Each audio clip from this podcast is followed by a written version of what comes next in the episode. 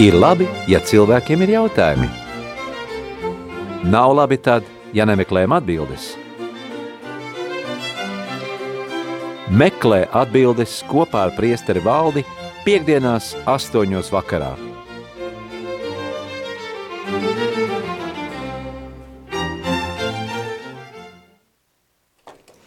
Dargo rādījumu arī Latviju klausītāji pulkstens 8 un 6 minūtes un 4. marts piekdiena un kā ierast, tad piekdienās raidījums meklēt atbildes kopā ar priesteri valdi. Ir labi, ka ir jautājumi, ir slikti, ja tos neuzjautā priesterim valdim, ir cevišķi šovakar.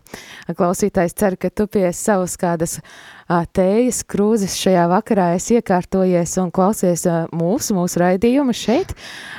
Un, jā, ēterā ar tevi šeit kopā ir Līva Kupfere un... Priesteris Valdis. Un priesteris Valdis ir gatavs arī atbildēt uz taviem jautājumiem par svētajiem rakstiem, par ticības dzīvi. Kas nu tev ir radies šajā nedēļā neskaidrs, varbūt kaut kad skrienot iedomājies kaut ko, atties, kāpēc ir tā, vai kāpēc ir šitā, vai kāpēc tur bībelē rakstīts tas, tad droši šis ir laiks, kad uzdot savu jautājumu. Un atgādinu tev klausītāju, ka studijā tad īziņa telefona numurs ir 266 77 272, savukārt zvaniem telefona numurs 67 969 131. Arī e-pasts ir tavā rīcībā studija at rml.lv. Priester Valdi, lai ir slavēts Jēzus Kristus. Mūžīgi mūžos slavēts. Tad pagājušajā reizē beidzām raidījumu ar to, kad ir jāturpina raidījums ar kādu jautājumu, un tas bija... Jā, mums ir izsai grāmata 41. nodaļa, 21. pants līdz 29. pantam. Es pastudēju nedaudz, un es ne, saprotu, ka varbūt kāds cilvēks ļoti dziļi grib studēt, tad tiešām tur ir jālasa daudz grāmatas. Bet tas fragments attiecās uz tādu dieva izaicinājumu pret elkiem, pret elgdieviem. Jo Dievs saka, kurš tad var ar viņu e, sacensties par paredzamām lietām, ko viņš ir paredzējis, vai kāds ir tās lietas paredzējis. Un beigās viņš arī saka, jūs redzat, jūs neesat nekas, jūsu darbi ir tukšība, tas ir tāds to elku kā tas kults un to elku eh, paredzējumi. Un beigās ir vēl 29. pantā, redzi, tie visi ir niecība, tukšība, ir viņu darbi, viņu elki, vien tukšs vējš. Tas attiecas uz kaut kādiem eh, tādiem paredzējumiem. Var, nu, kāpēc cilvēkam radās interese par šo fragmentu? Tā ir tikai mana interpretācija, bet uh, varbūt eh, saistot ar mūsdienām, ar tām situācijām, kas notiek pasaulē, ar nemieriem. Varbūt ir mēģināts pievilkt kādus e, paredzējumus, un kas tad ir, kuri no tiem ir patiesi. Varbūt arī dažreiz cilvēki izsaka savas prognozes, kuras arī beigās nepiepildās. Tas ir tik daudz par šo fragmentu kurā Dievs atklājas kā vienīgais, kurš var e, izteikt savu vārdu, un viņa vārds piepildās.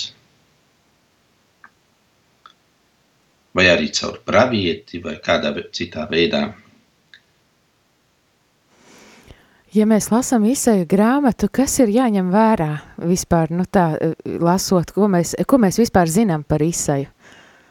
Par izsaju. Īstenībā e, biblisti šo grāmatu ir, viņi ir sarakstīti ilgā laika periodā. Un biblisti izšķir viņam e, trīs, trīs grāmatas. Ir tas protoisais, deuteroisais, tritoisais. Tie ir uh, trīs dažādi, var teikt, autori. Kas par mums ir? Nu, vēsturiskais, vēsturiskais konteksts jāzina kāda ir tā situācija Izrēlā, eh, svētajā zemē, ka pēc tam, kad tauta eh, neklausot Dievu, balsī, neklausot praviešu vārdiem, uh, tiek, nu, vienmēr, nepaklausība dievam, dievu baušļiem vienmēr beidzas ar kādu traģēdiju. Vai tā ir trimda, vai tās ir kādas slimības, vai tīri kādi kāri. Un šajā gadījumā Izraels tiek izvests rimdā, bet tur tāpat tās turpinās atkal izsai pravietojumi, ja, kas beigās aicina atgriezties viņus atpakaļ. Un tas jau bija pirms, pirms tas ķīrs vai nu, Kīrs, Kīrs nāca pie varas un palaida Izraēlu tautu atgriezties viņa zemē un jūdejā atjaunot svētnīcu. Interesanti, bet praviešu valoda ir ļoti tāda simboliska. Mēs nezinām, kā viņi tos dievu atklāsim, kā viņi dzird. Interesanti simboli, viņi ir visdažādākie. Valoda arī mums jāzina, kāda ir tā ebreju kultūrā, tas pats vīnadārs, ja, kāda ir nozīme citām lietām. Un kāda ir no vīna dārza nozīme? No vīna dārza ir ļoti skaistā līdzība par vīna dārzu, kurš, kur kungs iestādījis, ir, lai dot saldus augļus, bet viņš nedeva saldus augļus vīna dārza. Tā ir Izraēļa, izredzētā, nu, izredzētā Izraēļa tauta, no kuras Dievs gaida mīlestību, bet eh, tā tauta toties eh, dod skābas, skābas nebaudāmas augļus. Tas viss ir mūsu visu cilvēku dzīve saistās ar to, vai mēs esam uzticīgi Dievam, vai mēs neesam, vai mēs paklausām viņa baušļiem vai nē. Tad arī tieši nākošais jautājums, varbūt šeit ir arī par desmito bausli rakstīts. Mums kāds klausītājs jautā, kā atšķirt grēka no stipra kār, kārdinājuma. Nu, kārdinājums ir tas, ar kur vēl cilvēks cīnās, bet grēks jau ir tas, ka, kam, ka, ka cilvēks jau kārdinājumam ir piekritis. Varbūt viņš nevar realizēt viņu, bet viņš jau tam kārdinājumam ir piekritis. Viņš jau savā sirdī ir izdarījis to. Viņš ir, kā saka, devis apstiprinājumu, ka, ja viņam būtu iespēja, viņš to izdarītu. Tad, var sakot, uh, Nu, tas desmitais bauslis tam nebūs iekārot neviena lieta, kas pieder tam tuvākajam. Nu, varbūt cilvēks, uh, te atkal tā ir interesanta lieta. Bieži, kas var būt, kad cilvēks domā, ka viņam vēloties kādu lietu, tas uh, ir uzreiz grēks. Ja? Nu, tu, Kāda sieviete paskatās uz savus draugus zābakiem, o, es arī gribu tādas pašas zābakus. Nu, viņa, viņa pēc tam oj, viņa iet un domā, vai kāda es esmu skaudīga, ka viņai tik forša zābaka, man nē. Tas jau nav grēks, ka viņi grib tādas pašas zābakas. Grēks būtu tad, ja viņi mēģinātu tos zābakus no savas draudzenes izmainīt, vai to draudzeni kaut kā, nu, var teikt, apzakt, aplaupīt, nezinu, piedzirdīt tos zābakus, novilkt, atstāt draudzeni grāvī. Nu, Tas būtu grēks, bet ja viņi grib tādus pašus zābakus, viņi jau grib tikai kaut ko nu, tādu lietu, kur viņai patīk, kas viņai varētu noderēt, bet nevis tieši to pašu lietu. Ja. Tā kā cilvēks atkal domā, varbūt es noskaudu kaimiņam māju. Nu, viņš taču to kaimiņu tu neiet no tās mājas kūpināt ārā. Nu, viņš varbūt var padomāt, var, nu, nam, varbūt iegūšu kādreiz kā tādas līdzekļus, es mm, būvēšu vai iegādāšos tādu pašu māju vai līdzīgu māju. Cilvēki citreiz uztraucas par tādām lietām, kad, nu, e, nu, ka viņi nezina, kur ir grēks, kur nav, un tas ir slikti. Kāpēc? Tāpēc, kad cilvēks var, nu kā, ja mēs dzīvojam ar nepareizu pārliecību, kāpēc tas ir slikti, ja es e, nezinu, ka kaut kas nav grēks, man liekas, kaut kas ir grēks, un es to daru. Es jau tāpat grēkoju tikai tāpēc, ka es grēkoju pret sirdsapziņu. Es dzīvoju tādā pārliecībā, ka es daru grēku, un es grēkoju tikai tāpēc, ka es rīkojos pretēji sirdsapziņai, kaut arī tas nav grēks. Un otrādi, cilvēks var, kāpēc vēl ir slikti, jo cilvēks var darīt kaut ko tādu, kas ir grēks, un viņš ir pārliecināts, ka tas nav grēks, bet viņš dara ļaunumu. Tāpēc ir slikta ignorance. Ignorance tā ir slikta. Nu, ir jau tāds teiciens, ka vai, tas nāk arī no gudrības grāmatas, kad viens no lielākajiem dievu sodiem ir atņemt cilvēkam prātu, ja, kad viņš ir muļķis. Un, un muļķim, muļķis nodarīs sev vislielāko ļaunumu. Ja gudrības atlīdzība ir, tas ir uzticībai, uzticība Dievam, atlīdzība ir dzīvība, tad muļķības vai grēka atlīdzība bija muļķība un muļķības nāve. Kaut kas tāds koncepts, ka gudrības literatūrā e, muļķība tas ir kaut kāds kā sinonīms nāvei. Tad uh, sanāk tā, ka, uh, nu, ja teiksim, kādam klausītājam rodas jautājums sev prātā, sirdī uh, par to ir vai nav grēks un sajūta, ka nu, kaut kā slikti, tad labāk uh, padomāt, apstāties un uh, pār, pārbaudīt to savu sirdsapziņu. Jā, sirdsapziņa, jo mēs savādāk, mēs viņu mīdām, mēs viņu deformējam, ja mēs dzīvojam tādā sirdsapziņas konfliktā. Tas ir grēks vai nav grēks. Vai, nu, labāk jau nezināt, ja man ir ērtāk dzīvot, un tādā veidā sirdsapziņa tiek mīdīta. Vislabākais, ja kādam cilvēkam ir šaubas par morālām lietām, viņa dzīvē, kādā ikdienā, iet pie grēksūdzes, pie bikts tēva vai garīgā tēva un noskaidrot, vai tas tāda un tāda situācija, vai tas ir grēks vai nav grēks. Ja? Savādāk, mīlot sirdsapziņu, mēs izdarām ļaunumu sev. Kā ir, piemēram, ko jūs ieteiktu darīt? Ši, šis ir gavēņa laiks, un daudzi šai laikā gatavojās, domāju, arī mūsu klausītāji daudzi gatavojās grēksūdzes sakramenta pieņemšanai. Ko jūs ieteiktu, lai vislabāk sagatavotos, kādus tos soļus veikt? Labai grēksūdzei nu, ir vajadzīga tāda meditācija. Pirmais, nu, pārdomāt, sirdsapziņas laba, sirdsapziņas izmeklēšana, izējot cauri. Par to jau mēs arī kaut kad runājām. Un tas jautājums atkārtojas. Ir vairāk sirdsapziņas izmeklēšanas veidi, kad cilvēks nu, var iet cauri desmit dievu baušļiem, katru bausu apskatot. Un un pēc saskaņā ar katru bausli izmeklēt savu sirdsapziņu, vai nav kaut kas izdarīts pret tā, tādas konkrētas lietas. Un to darīt nevis pēdējās dienās, pirms uh, lieldienām vai, vai pirms lielās piekdienas, kā parasti, kad sastājās rindas. Vislabāk ir regulāra grēksūdzība, un tad cilvēkam nav jāstāv rindā.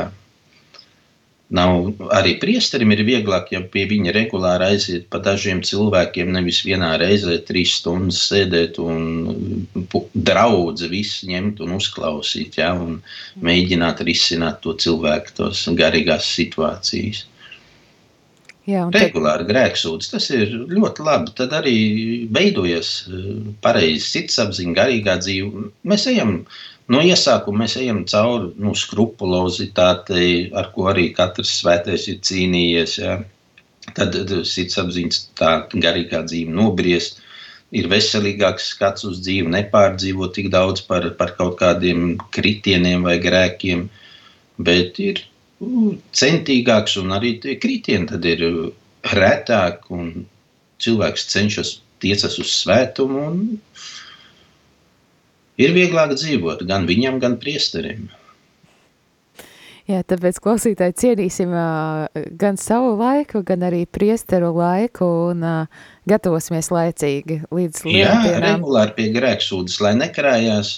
Nu, tie, tie, tie brīži arī ir labi, nu, kad cilvēks atnāk, saka, nu, 40 gadus nav bijis vai 30 gadus nav bijis pie grēksūdas. Tie ir labi, skaisti atgriešanās brīži, tā ir liela Dieva žēlastība.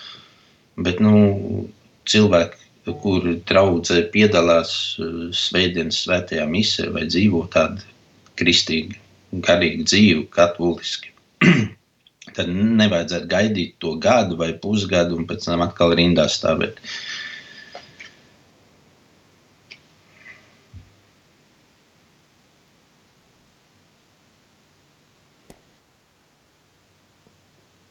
Tā, laikam kāds jautājums mums Whatsappā, skatīsim. Laikam nebūs īsti.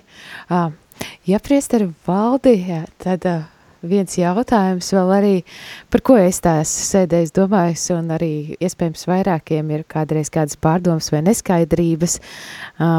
Nu, man ir izdevies kaut kā atrast to kaut kādu savu atbildi, varbūt, nezinu, varbūt nē, uh, bet uh, tad jautājums par to, uh, par tieši um, tādu, varbūt to pēdējo mirkli, uh, kad uh, mēs pavadam kādu cilvēku mūžībā, uh, tad uh, es saprotu, ka katoļu baznīcai diezgan strikta šī tradīcija, kad uh, pret šo cilvēka nu, kā, miesas dedzināšanu vai sadedzināšanu krematorijā. Vai tā ir? Kā, kā, kāda ir tā mācība attiecībā uz tieši abadīšanu? Arī par šo jau ir runāts, un te ir jautājums, ja cilvēks nu, atnāk piederīgi, kuriem ir nomirusi uh, kāda tuva persona, grib viņu kremēt, tad jautājums, kāpēc viņi to grib kremēt. Ja tas ir praktiski apsvērumu dēļ, ekonomiski apsvērumu dēļ, tur uh, kaut kur jābēd, nav problēma, nav problēma, var kremēt. Bet, ja kāds to dara tikai tāpēc, ka tas parādīs, ka nav tāda augšām celšanās, jā, tas ir pret ticību, kremē, nu, tad, protams, es varu pat atteikt mhm. tādiem cilvēkiem. Nu. Tad svarīgākais ir tas, tā motivācija, kāpēc. Bet, protams, mm -hmm, mm -hmm. Dievs jau skatās uz cilvēku sirdi. Ja? Nu, jā. Klausītāji, tad atgādinu, ka šobrīd ēterā kopā ar tevi raidījums uh, um, meklē atbildes ar priesteri valdi kopā un aicinam arī tevi uh, iesaistīties un tad uzdot savu jautājumu. Uh, īziņu numurs ir 266 77 272, savukārt tad zvanu tālruņa numurs ir 67 969 131. Garākam jautājumam vai kādam komentāram tad arī e-pasts studija at rml.lv. Tad nu, šobrīd ies, aiziesim kādā muzikālā pauzē, lai klausītāji var apdomāt un uh, atsūtīt, uzdot savu jautājumu šeit ēterā. Un ļoti skaista mūzika noteikti būs tagad. Kas tā, kas tā būs pa mūziku? nu, tā ir tāda mūzika, kas ir ļoti garīgi. Lai... Mums gan ir vēl zvans ēterā, kas saka, priesteru valdi, kā daram, palaižam zvanu ēterā un tad Jā, mūzika. Nu, tad atbildēsim uz jautājumu, ja varēsim. Jā, labi, labdien, halo, labvakar, kas mūs ir sazvanījis? Labvakar, labvakar. E, jautājums priesterim valdiem. Sakarā ar pandēmiju, arī pirms pandēmijas cilvēki rīko pie kapa bēru mielastu. Vai to var darīt? Ēst un dzīvot kapos. Savādāk tādi strīdiņi sanāk. Paldies par atbildi. Paldies, liels par zvanu. Nu, skaidrs, eh, arī interesants jautājums.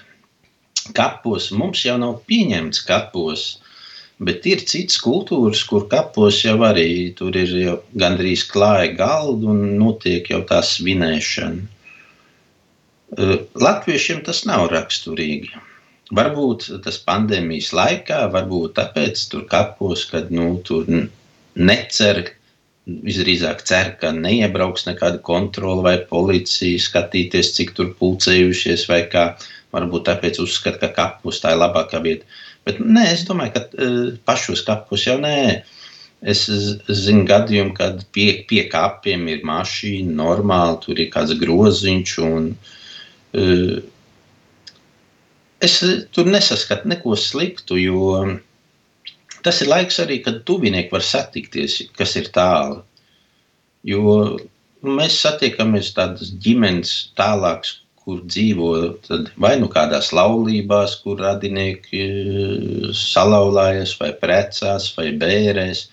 Tas ir brīdis, kad cilvēki var satikties. Un svaigā gaisā vēl jau vairāk, es domāju, tur tie ir tie bīstamības faktors ir daudz mazāks. Es tur nekā slikti neredzu. Nevajag strīdēties, dzīvot, vajag sadzīvot mierīgi. Tāds skaists ieteikums par mierīgu sadzīvošanu. Tad es saprotu, ka mums arī kāda skaista, mierīga mūzika būs. Ja?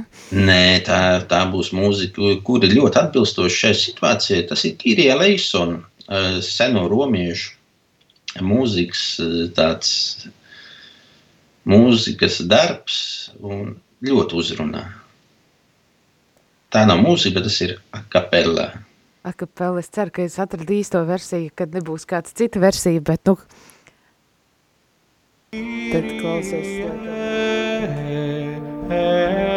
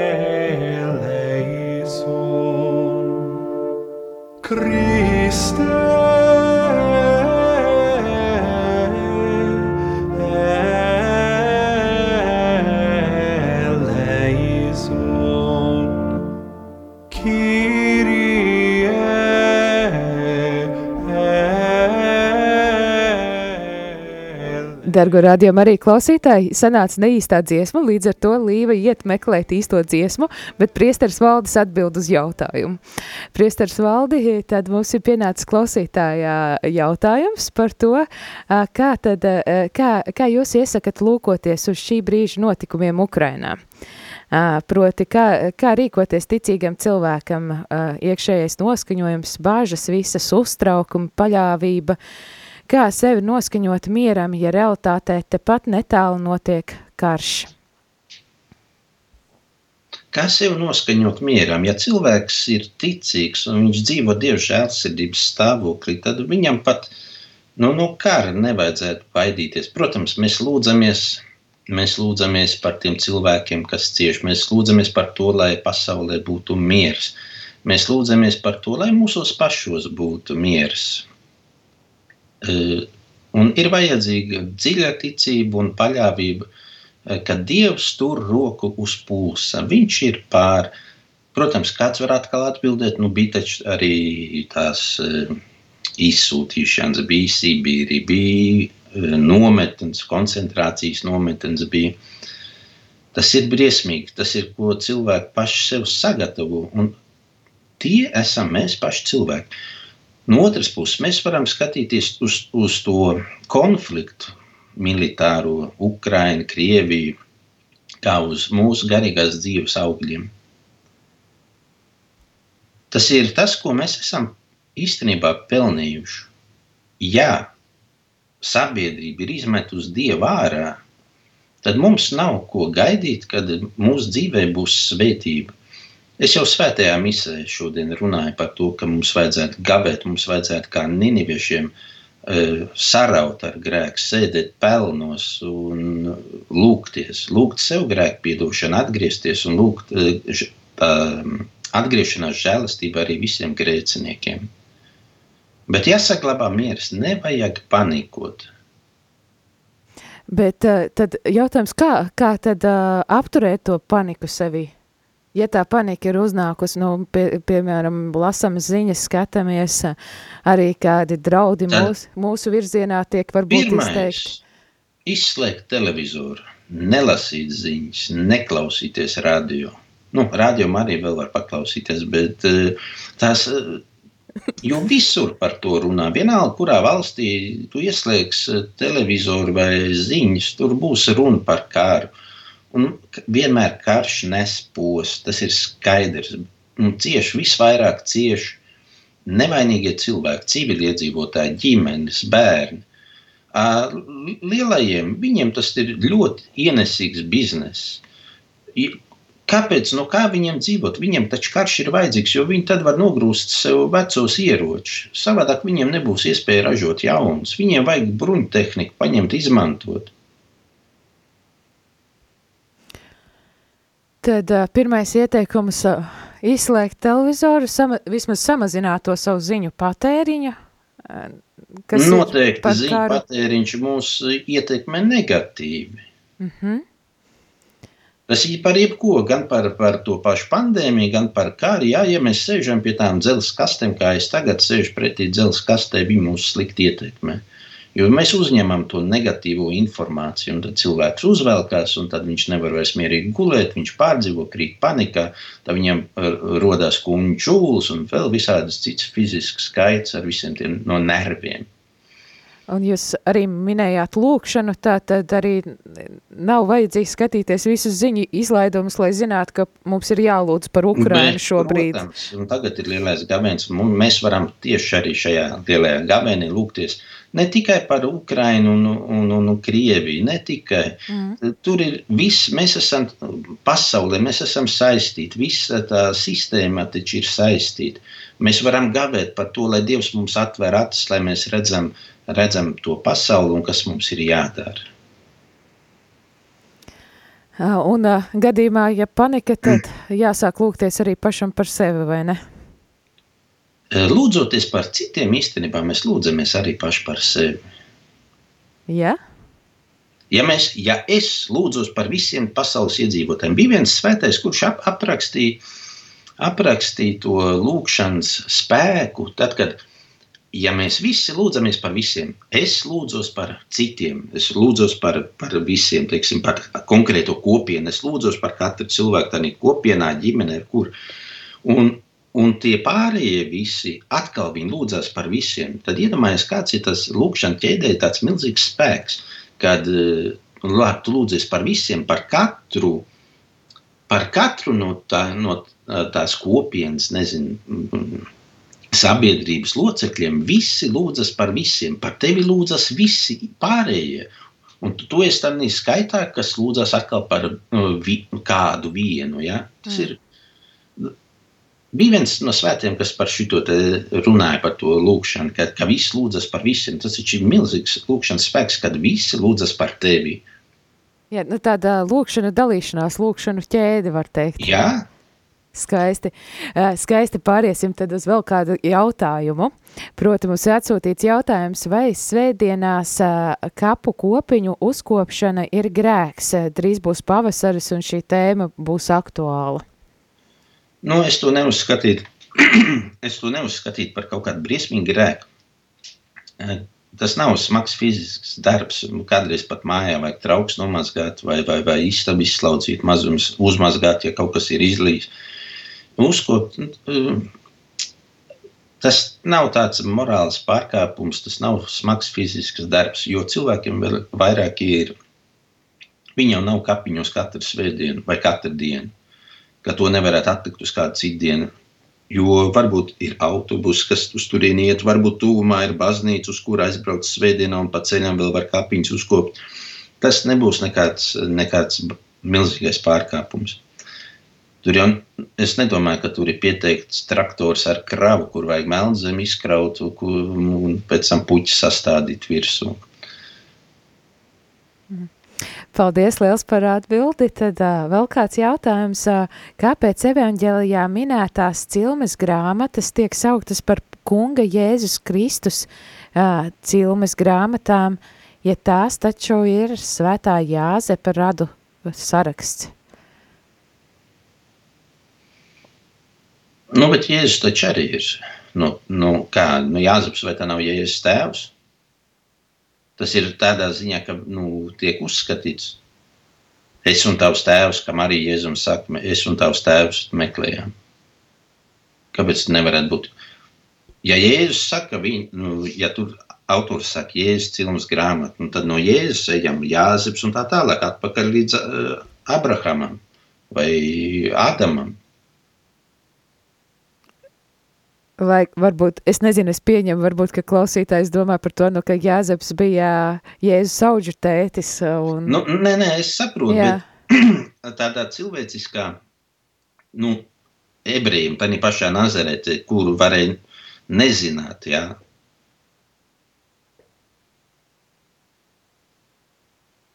Nu, viņiem tā Jēzus, Jēzus tēvs bija Jāzeps. Mm. To jau mēs tikai no atklāsmes mēs zinām, ka Jēzus tēvs, nu, ka Jēzus ir Dieva dēls. Ja? Mm.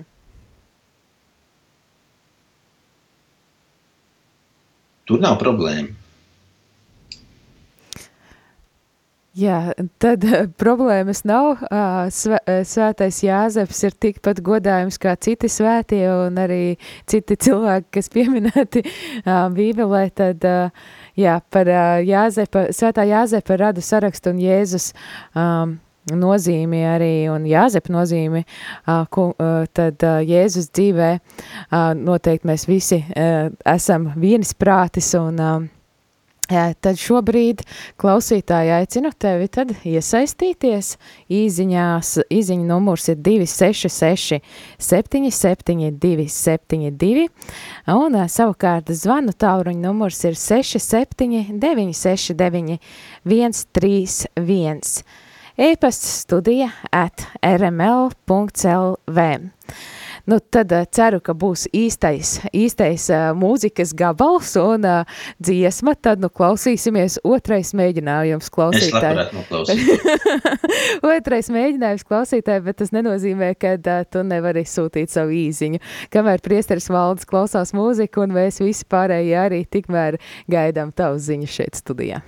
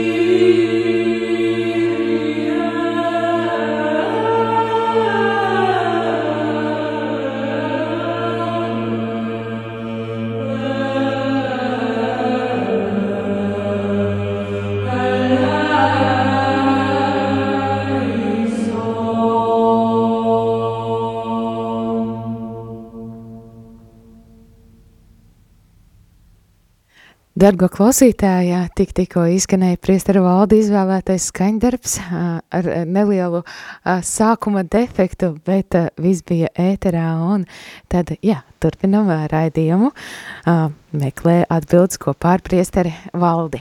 Un mums ir arī vēl kādas atbildes, kuras ir jāsteidz nolas, atbildes, nē, jautājumi. Jautājumi. Kuras, jautājumi, kur ir jāsteidz nolasīt. Vēls vakars nepaspēja kafiju vēl iecert. tā tad, jā, jautājums, jautājums ir tāds, vai ir grēks skatīties citu konfesiju dievkalpojumus internetā?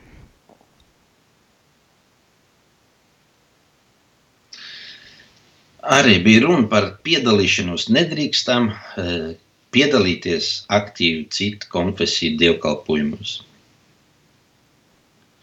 Vai ir grēks? Tad es jautāju, kāds ir labums? Nu, es pieļauju stiprināšanās. Nē, nu kā, nu arī tāds uh, varbūt citādāks uh, Nē, tāds nē. domas vai kas, sprediķi. Nē, Es, es domāju, tā ir dažreiz cilvēki, nu, viņiem nav iespēja uh, svētdienā, teiksim, vai, vai, vai kādā citā dienā piedalīties misē. Viņš domā, ka var izpildīt svētdienas uh, pienākumu, skatoties citu konfesiju dievkalpojumu. Nē, nav iespējams. Jā, bet uh, ja es, teiksim, esmu aizgājusi uz savu svēto misi vai noskatījusies savu svēto misi un pēc tam, nu, izdomāju, ka man ļoti gribētos noskatīties uh, kādu citu konfesiju brāļu dievkalpojumu. Vai tas ir grēks? Noskatīties var, bet piedalīties nē. Tad uh, attālināti, jā? Vienalga, ne, nu, klātienē arī tu vari noskatīties, bet tu nedrīkst aktīvi piedalīties. Nu, es nedrīkst iet pie dievgalda. Nu, pat uz visām tām lūkšanām visdrīzāk to amen arī nevar pateikt. Varbūt tur ir cits lūkšanas, un tur ir cita teoloģija, cita mācība. Ok, tā tad esam prātīgi, tā tad mums ir jāklausās, kas ir, ā, kas, ē, ē, kas, tie, kas skan šajā dievkalpojumā. Ā, Protams. Tā tad vēl kāds jautājums. Paldies Sandrim, mūsu klausītājiem. Ā, Sandra, paldies, tāpēc, ka tu esi uzrakstījis savu vārdu. Tad ā, mācamies no Sandra, nesam anonīmi, uzrakstam savu vārdu, tā ir, lai arī mēs zinām, priestars valdes arī zina.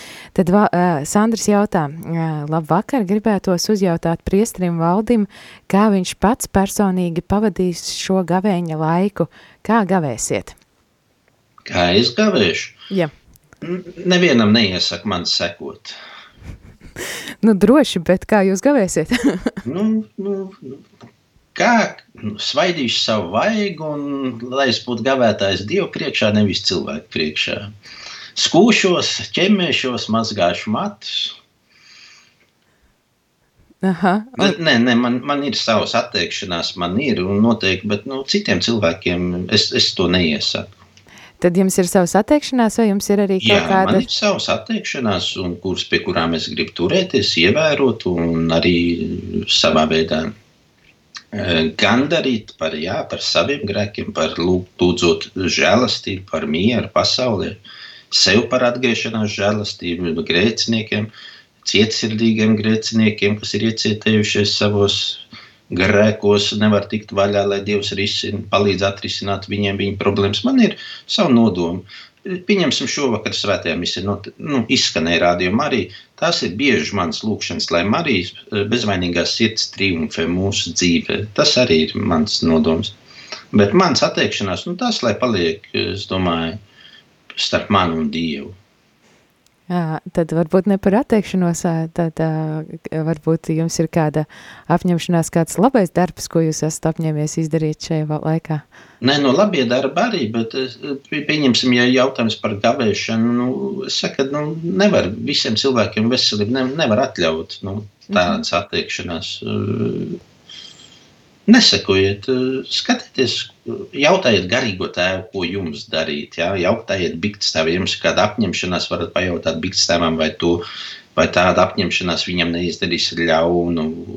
Saskaņojiet, varbūt. Mm -hmm.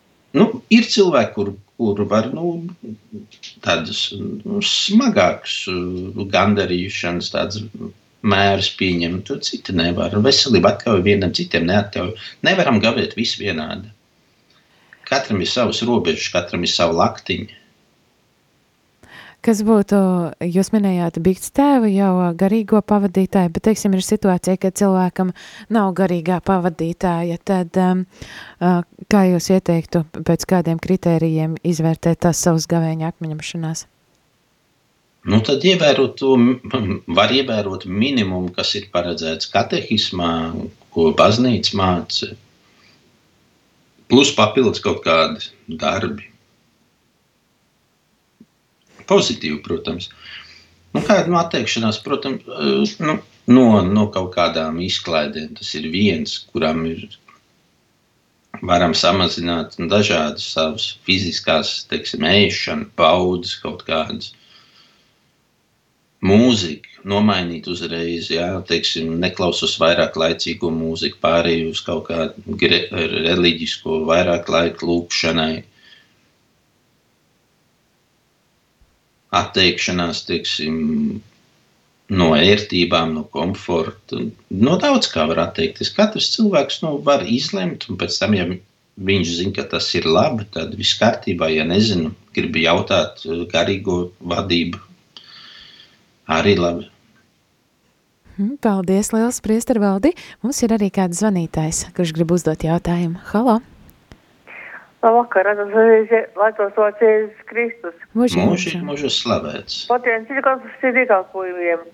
Es esmu otrās grupas līdz divi pārcināt atstāstība, un pie mums nāk tikai reizi mēnesī lutrāņinga mācītāja sieviete. Un man bērnums ir piegājis uz to grēksūras, piedalīties aktīvi atbild viņas jautājumiem. Un ļoti skaists tas grēks, es tur kā grēcīgi divreiz saskatīju tās viņu, tās viņu pa, svētajās visēs. Es domāju, monstonieši to nebūtu īpaši soks grēks. Protams, pie galda nē, nekādā gadījumā nē, pie galda, bet tu, tāda situācija, ka viens atkie lutrāņi. Katoļi te kādreiz bija katoļi priesteris nāca, bet tā to es nenāk. Kurā vietā? Pansionāta atsaucība. Tas Ā. Turinkalnā. Ah. Nu, jā. Ja, Bet, Tā ir kalpojums par dieva vārda. Skatās, Nē, nē, es, es sapratu, bet ja nav iespēja piedalīties, arī nebūs grēks, kad nepiedalīsies. Tad nu, izpildīt tos svētdienas pienākumu. Nevar, ja cilvēks nevar piedalīties svētajā misē, tad Dievs viņam to neieskaitīs par grēkiem. Viņš nevarēs piedalīties svētajā misē. Grēks ir tad, ja es varu piedalīties un nepiedalos. Man tā arī bijis. Ja viņš ir despēcīgais, tad man ļoti grūti aiziet uz baznīcu. Bet šeit tas kā būtu stāvāt, un jau ir izsekot. Nu, jūs vismaz varat klausīties rādījumā arī un piedalīties svētajā misē. Tas ir kā kategoriski nedrīkst, ja? Labāk nē, Paldies. lūdzu. Paldies, ka. Paldies par jūsu atbildēm. Atā. Atā. E, Tad ā, jautājums tāds, jā, ā, acīm redzot, arī tomēr cita, dievkal, cita konfesija dievkalpojumi dod savu svētību un bagātina mūs. Tad nākošais jautājums arī no Annas mums šeit. Paldies, Anna, tu turpini iet Sandra pēdās. Tātad jautājums par pelnu trešdienu. Pelnu trešdienā bija jāievēro gavēnis un atturība no gaļas ēdieniem.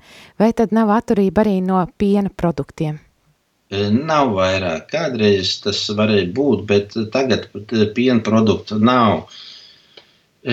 Bet nav taisnība, ka bija atturība tikai no gaļas ēdieniem. Jo pelnu trešdiena un lielā piekdiena tās ir divas dienas katoļu baznīcā gadā, kad ir gavēns. Tā nav atturēšanās no gaļas ēdieniem. Gavēns ir gan, kas ir kvalitatīvs un kvantitatīvs. eh, kvalitatīvs, kad mēs atsakāmies nu, no gaļas, bet ir arī kvantitatīvais, jo daudzums eh, gaveņa laikā mēs varam, eh, kuri var gavēt un kuriem ir jāgavē, tad gaveņas ir viens, viena ēdienreiz līdz sātām un divas, un divas ēdienreizes ne līdz sātām. Tā kā tas ir kaut kas vairāk nekā atturēšanās piekdienās no gaļas ēdieniem. Tad, tad, tad vienreiz līdz, varēs līdz sātam. Vienreiz līdz sātam. Un tas ir tas svarīgākais, kas mums ir jāzina par pelnu trešdienu. Tas, ja mēs ievērojam gavēni kā tādu, jo, jo īstenībā pārējās visas piekdienas mums nav, neskaitās gavēnis, pārējās visas piekdienas ir atturēšanās no gaļas ēdieniem. Mm. Tur neiet par kvantitatīvo to aspektu, galīgi neiet runa. Ja? Tad gan brokas, pusdienas, vakariņas, tur nav teikts, ka viena ēdienreiz līdz sātām. Gavēni ir viena ēdienreiz līdz sātām, kas arī nenozīmē pārēsties. Skaidrs, paldies. No skaidr... Cerams, ka mēs atcerēsimies to līdz nākošajai pelnu trešdienai. Nu, mums vēl pabīda lielā piekdiena. Ar lielajā piekdienā noderēs, jā, taisnība, taisnība. Uh, jā, klausītāji, nu, pēdējās astoņas minūtes mums šeit rīt, nu, pēdējais laiks, ja tu vēlies jā, iesūtīt savu jautājumu vai uh, piezvanīt, tad, tad uh, šajā laikā tad droši to vari uh, darīt. Uh, jā. Uh, tāds, eh, eh, tāds mums vakars šodien sanācis gan ar eh, gavēni, gan ar dažādajiem citiem jautājumiem. Sākām ar izsaju grāmatu, tad tagad mēģinājām noskaidrot arī, kāda ir priestara valda gavēšana un apņemšanās uh, Viņš tur viņu nedaudz noslēpumā. Un... Nē, nu, es teicu, skūšos, mazgāšos un mats ķemēšu. Pie frizieri iešu, ja vajadzēs. Jā, tad, tad mums katoļu baznīcā būs ļoti skaisti priesteri sakopti un Jā, teikšu laikam tad lielu paldies, jo šobrīd neredzu gan zvanus, gan, gan ziņas. Lielu paldies jums, priestara valde, par šo vakaru un par to, ka jūs atbildat uz jautājumiem. Varbūt pašās beigās vēl varat piekomentēt, jo šeit aizkadrā bija vien, viens zvans par šo te svētā Jāzepa ciltskoku, proti, kad klausītājiem laikam īsti nav skaidrs, kā atšķirt to ja, to cilvēcisko un to atklāsmes, atklāsmes pusi. Kā nav skaidrības, ko lītās Mateja evaņģēlijas.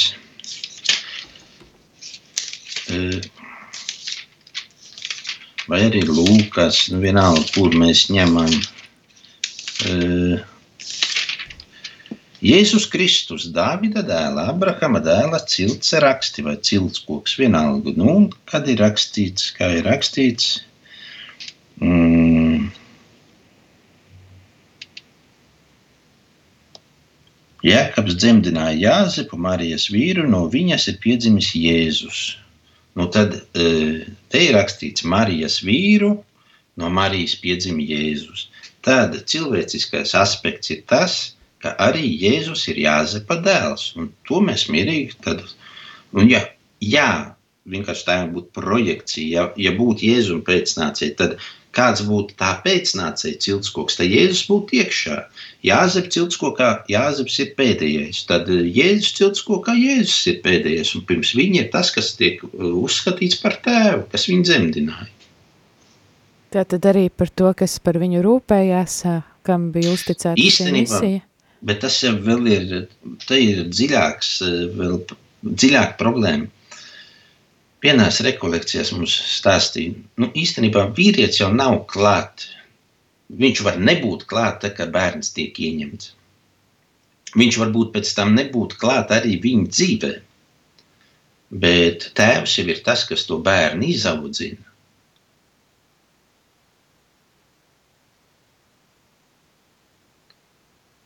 Tā kā nav problēma. Es neredzu problēmu šajā ciltskokā. Nu, ja mēs skatāmies, nu, tad, ja mēs ejam kaut vai līdz Dāvidam, Dāvids ciltskoks, Dāvids pēdējais, Jāzep ciltskoks, Jāzeps pēdējais, Jēzus ciltskoks, Jēzus pēdējais, viss. Jā, paldies tad, uh, par tādu skaistu nobeigumu ar ciltskokiem. Mēs uh, gandrīz, būtībā tāds cikls sanāca, gandrīz sākām un arī beidzām. Ar svētajiem rakstiem, Jā, jā. svētajiem rakstiem tā skaisti. Uh, tad um, saku lielu, lielu paldies, priester Valdi, jums par šo vakaru un tad arī klausītājiem, lai skaista eh, šī, eh, šī vēl piekdiena un tad svētīga šī nedēļas nogala. Nu, paldies klausītājiem par pacietību un par jautājumiem. Jā, Lai Dievs svētī un visu šo gaveņu laiku, lai mēs varam ar tīrām sirdīm sagatavoties svinēt Kristus augšām celšanās svētkus. tāds skaists novēlējums pašā noslēgumā, lai izdodas.